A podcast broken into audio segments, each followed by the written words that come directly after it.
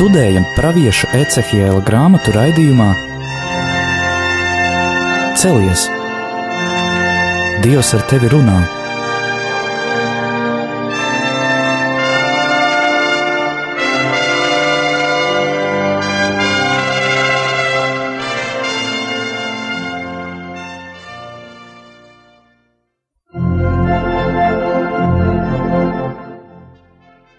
Slavēts Jēzus Kristus, mūžīgi mūžos slavēts, studijā Stela un Anģela.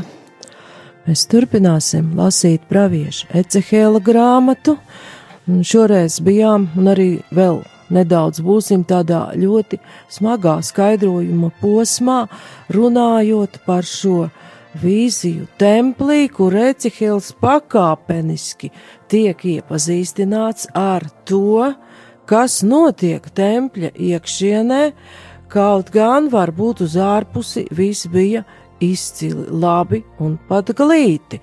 Pagājušā reizē es pieskāros arī tām parādībām, kas patreiz notiek mūsdienu baznīcā, un kaut gan no sākuma tas varētu likties diezgan dramatiski, un kāpēc tā ir?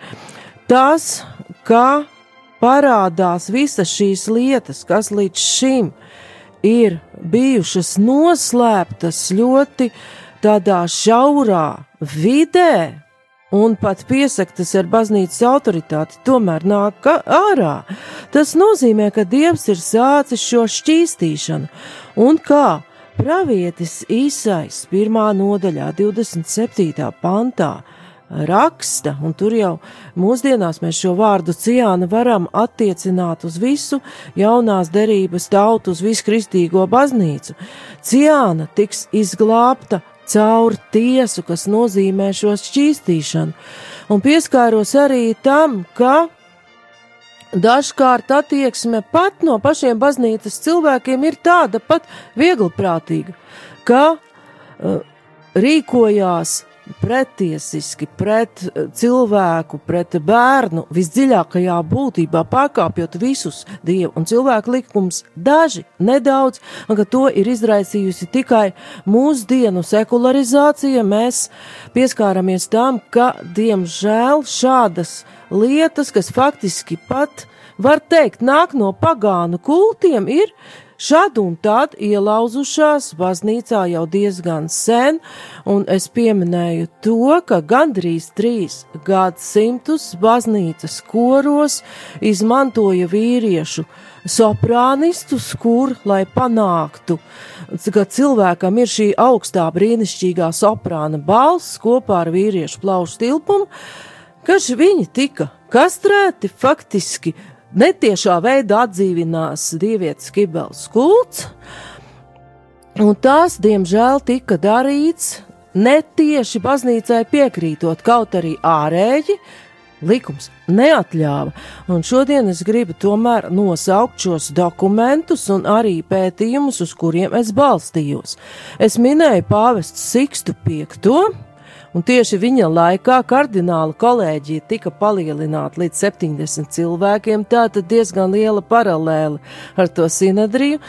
Dokuments bulla, ar kuru sievietēm pilnīgi aizliedz atrasties uz skatuves, saucās Kumpro Nostro pastorāli munē. 1589. gads. Līdz ar to netieši oficiāli it kā netika atļauts.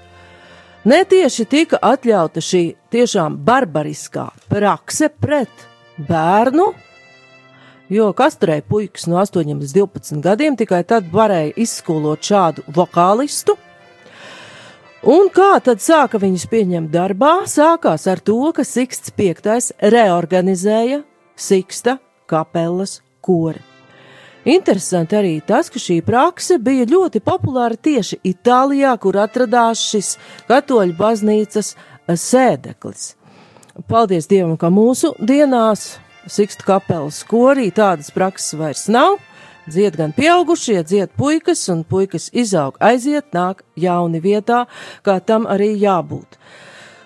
Un avoti, no kuriem es ņēmu datus, bija 2010. gadā pētnieka ārsta Džeimsa Franklina pētījums kas 2017. gadā tika uh, publicēts e-žurnālā Hektoen Internacionāla medicīnas žurnāls un saucās Kastrāti ātra, ārsta perspektīva. Un otrais autors bija Viktors Ginsburgs, Luvēns Katoļu universitātes pētnieks, referāts rakstījis 2017. gadā un saucās Kastrāta augšām celšanās un noriets. Un abos pētījumos arī parādās šīs tiešām prakses, kas ir pret dieva likumu, ekonomiskie aspekti. Pārdeva puikas ģimenes, kas bija trūcīgas, cerot, ka varbūt bērns tomēr dzīvos labāk, un ja viņam bija liels talants, tiešām tā arī bija, bet lēmums tika taisīts baznīcas augstākajās varas struktūrās, tātad tiešām, kā Ecehils to redz, tumša istaba, slepeni, tas ir pret dieva likumu, un rodas ļoti daudz jautājumu, un pie tiem mēs arī paliekam, jo praviešu grāmatas, ja mēs raugāmies vēstures notikumos, mudina mums tieši uzdot šos jautājumus. Vidēji 18. gadsimtā šis pētnieks Franklins atzīmē līdz 2000 puiku gadā, simts gadi, kam ir kalkulators varat sārēķināt, cik cilvēku simts gados tas bija, un ja praksa pastāvēja virs 200 gadiem. Rodas jautājums, cik cilvēku nepieauga par pieaugušiem vīriešiem, un cik ģimeņu ar šādiem, tādiem, var teikt, diezgan viltīgi pieņemtiem lēmumiem, cik ģimeņu nenodibinājās, cik jaunu cilvēku bērnu nenāca pasaulē, un kādā veidā tas atsaucas tomēr uz mūsdienu kultūru un sabiedrību, kura nevēlas ģimeni, nevēlas bērnus, bet kurā arī ir populārs skatuves elku kults. Vēl ir, protams, jautājums, vai Siksts V un viņa kardināla kolēģija uzdrošinātos pieņemt šādus lēmumus un tādā veidā reorganizēt Siksta kapelas kori, ja starp šiem uh, baznīcas cilvēkiem kaut vai neliela daļa būtu ģimenes cilvēki, kuriem ir bērni, sieva, ir dēli mājās, vai viņi būtu uzdrošinājušies uz šādu soli. Jo te arī gadsimtu gaitā ir šāda tāda kā manipulācija ar svētajiem rakstiem. Siksts piektais it kā ir, šis pētnieks to ir tā atradis, pētnieks Franklīns, runa par to medicīnas žurnālu, ka tas ir pamatots ar 1. korintiešiem 14.34, lai sievietes baznīcā nerunā. Un tur ir runa tikai par dziedāšanu. Bet tajā pašā laikā ir diezgan pamatīgi aizmirsta pirmā tita vēstule, pirmā nodaļa, 5.6. pants, kā presbiterim jābūt viens sievas vīram, kurš savus bērnus audzina dievbijībā.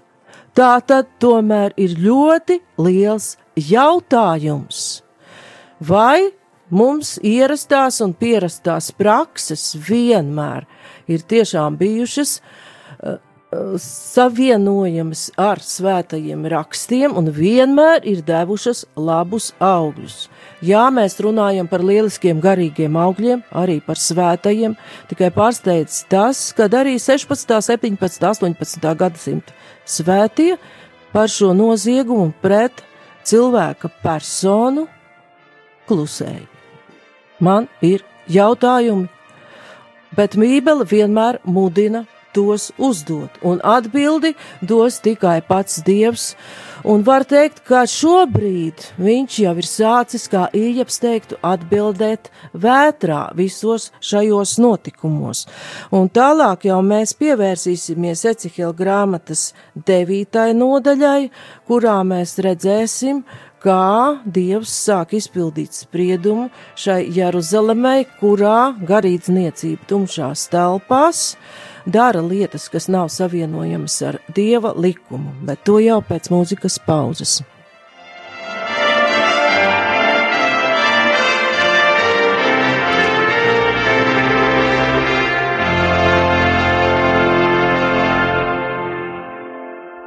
Un kā jau iepriekš es teicu, neskatoties uz to, ka visi šie fakti ir pat ļoti nepatīkami un ir ļoti daudz jautājumu, un ka var teikt, pārnestā nozīmē iestājas šī vētra.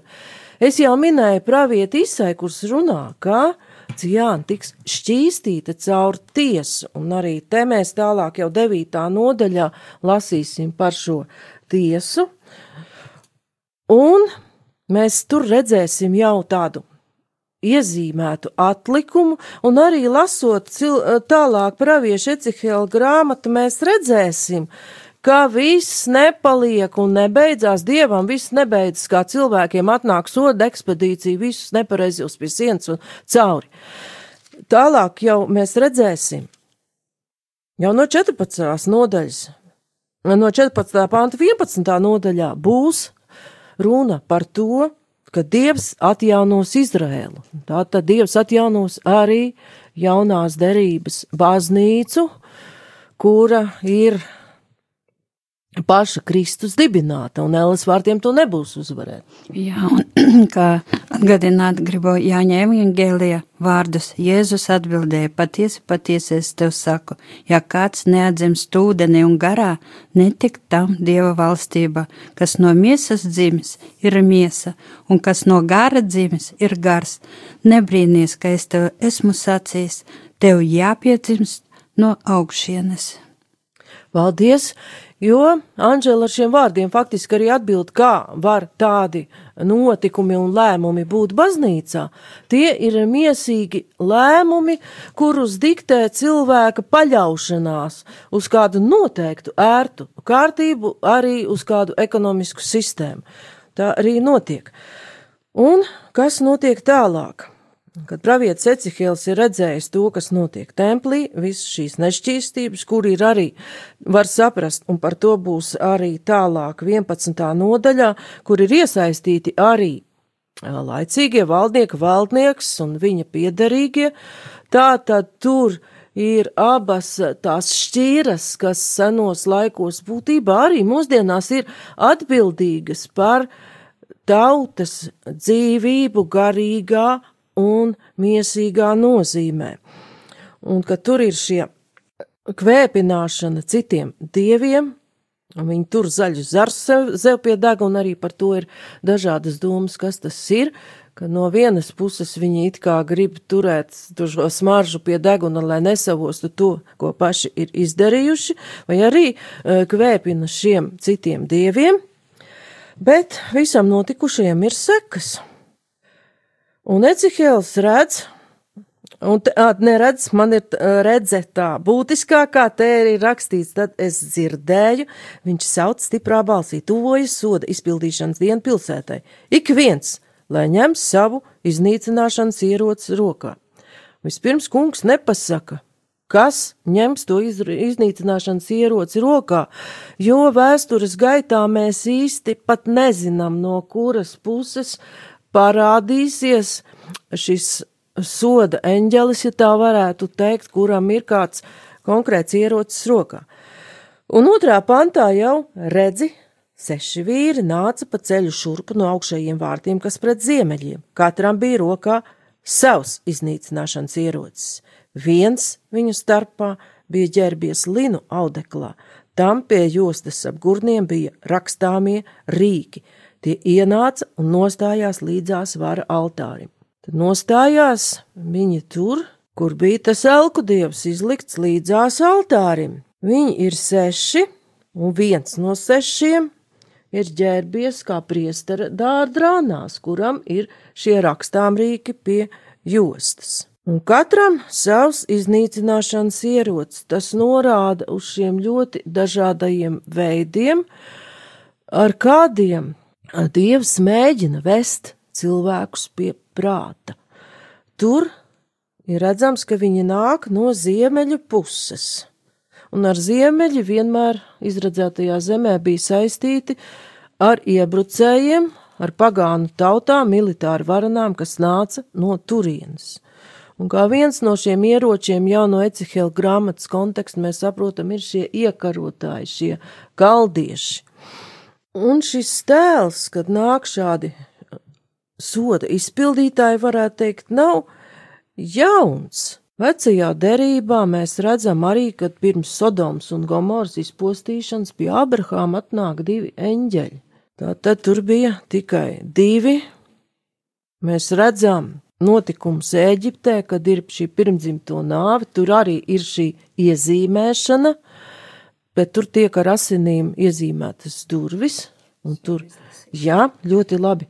Un tad Mozus saicināja visus Izrēļa vecais un tiem sacīja: Ejiet un ņemiet savai sēmai jērus un nokaujiet tos paskā svētkos, ņemiet pušķi īzapa un mērciet to asinīs, kas bļodā, un aptraipiet palodu un abus durvju stabus ar asinīm, kas bļodā, un neviens neiziet pa sava nama durvīm līdz rītam kad tas kungs nāks, lai sistu eģiptiešus un redzēs asinis uz palodām un abiem durvju stabiem, tas kungs ies garām tām durvīm un neļaus maitātājiem ienākt jūsu namos, lai jūs sistu. Paldies! Un šeit mēs redzam, ka pats kungs ir tas, kas iet un redz kuras durvis ir ar šīm asinīm apziestas, un šeit jau mēs no jaunās darības raugoties redzam, ka šis eh, jēra Kristus izpirkuma upuris ir tas, kas šīs durvis slēdz sodam, no pēc kā kungs redz, ka šie cilvēki ir jau Kristus atpirkti. Turiet pats kungs, un vēl Šeit mēs redzam sešus, tā tad šis sots vēl nav galējais un nav pilnīgais. Bet šie seši vīri mums izraisa vēl kādu asociāciju, un tāds viņš sasaistās ar ko? Atklāsmes grāmatu. Jā, ar atklāsmes grāmatu, jo tur jau mēs redzam, uh, ka iet septiņi eņģeļi ar dieva dusmu kausiem. Un no tā izgāja tie septiņi eņģeļi, kam bija septiņas mocības, tērpti tīrā spožā linu audeklā un ar zelta jostām ap krūtīm. Paldies!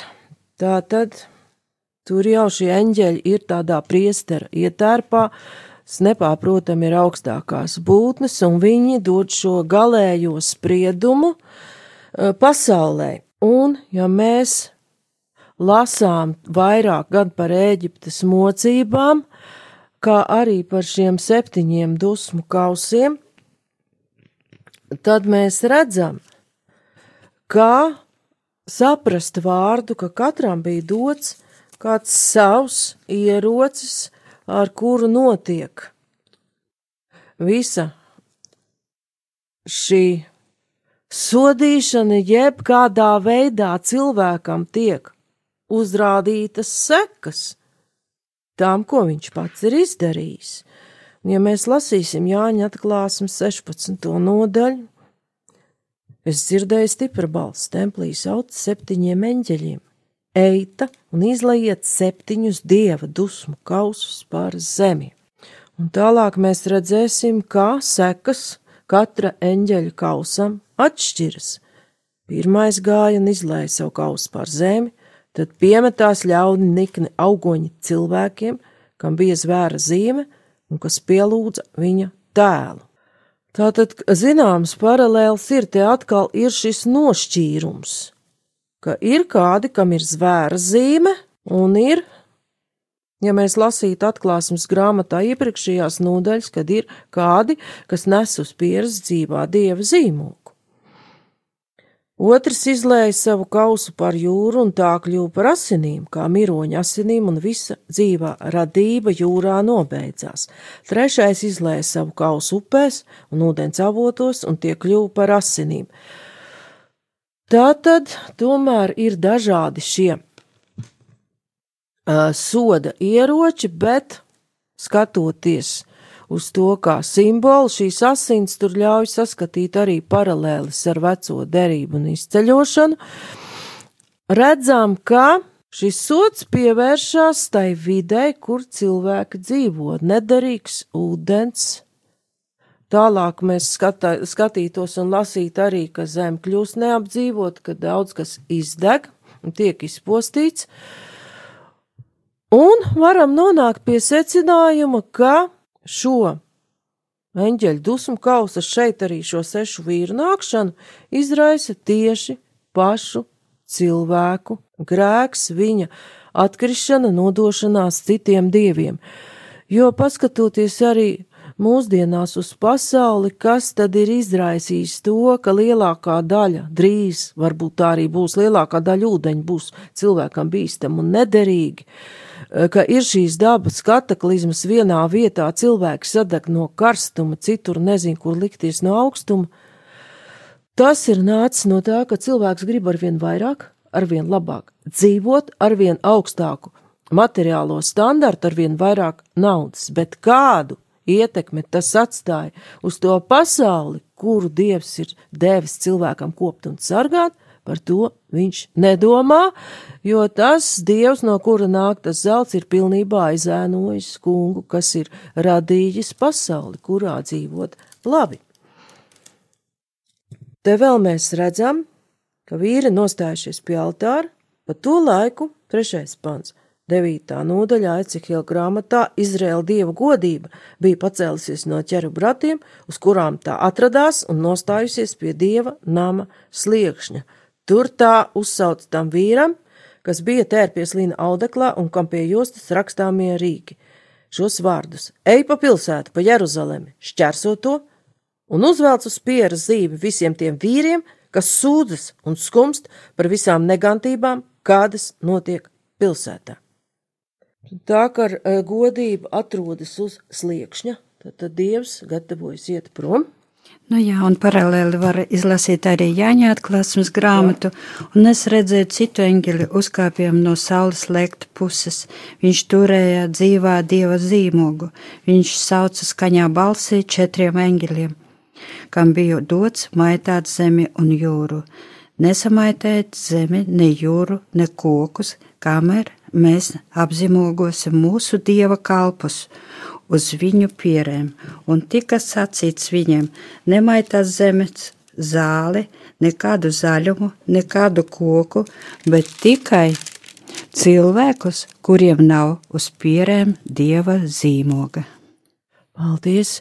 Tā tad arī šeit mēs redzam to, ka ir kādi cilvēki, kas ir uzticīgi kunga likumam, un kuri tie ir, ja mums jau pasaka pravietis Ecihēls, visiem tiem vīriem, kas sūdzas un skumst par visām negantībām, kādas notiek pilsētā. Tā tad viņi skumst un arī sūdzas, var teikt, viņi lūdz un sauc uz Dievu par to, kas notiek pilsētā. Un te mums varbūt liktos atkal kāds klieks - diskriminācija visiem tiem vīriem, bet tajā laikā tas vīrs un sieva tā bija visa viņa dzimta, viss viņa nams. Un, ja mēs apustulu Pāvilu lasām, mēs bieži redzēsim, un, ka viņš kristīja kādus cilvēkus, viņš un viss viņa nams. Tātad pie tiem vīriem varēja būt piederīgi arī pat kalpi, kalponis, pat vājas vergi, nemaz nerunājot par bērniem tad ir nošķirti nos tie, kurus šīs nešķīstības un posts uh, skumdina. Bet kā to izvērst šo domu dziļāk? Kā mēs to varam saprast šodien?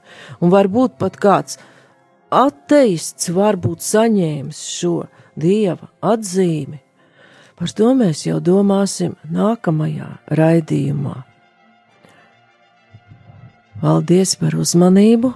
Studijā bija Stela un Anģela.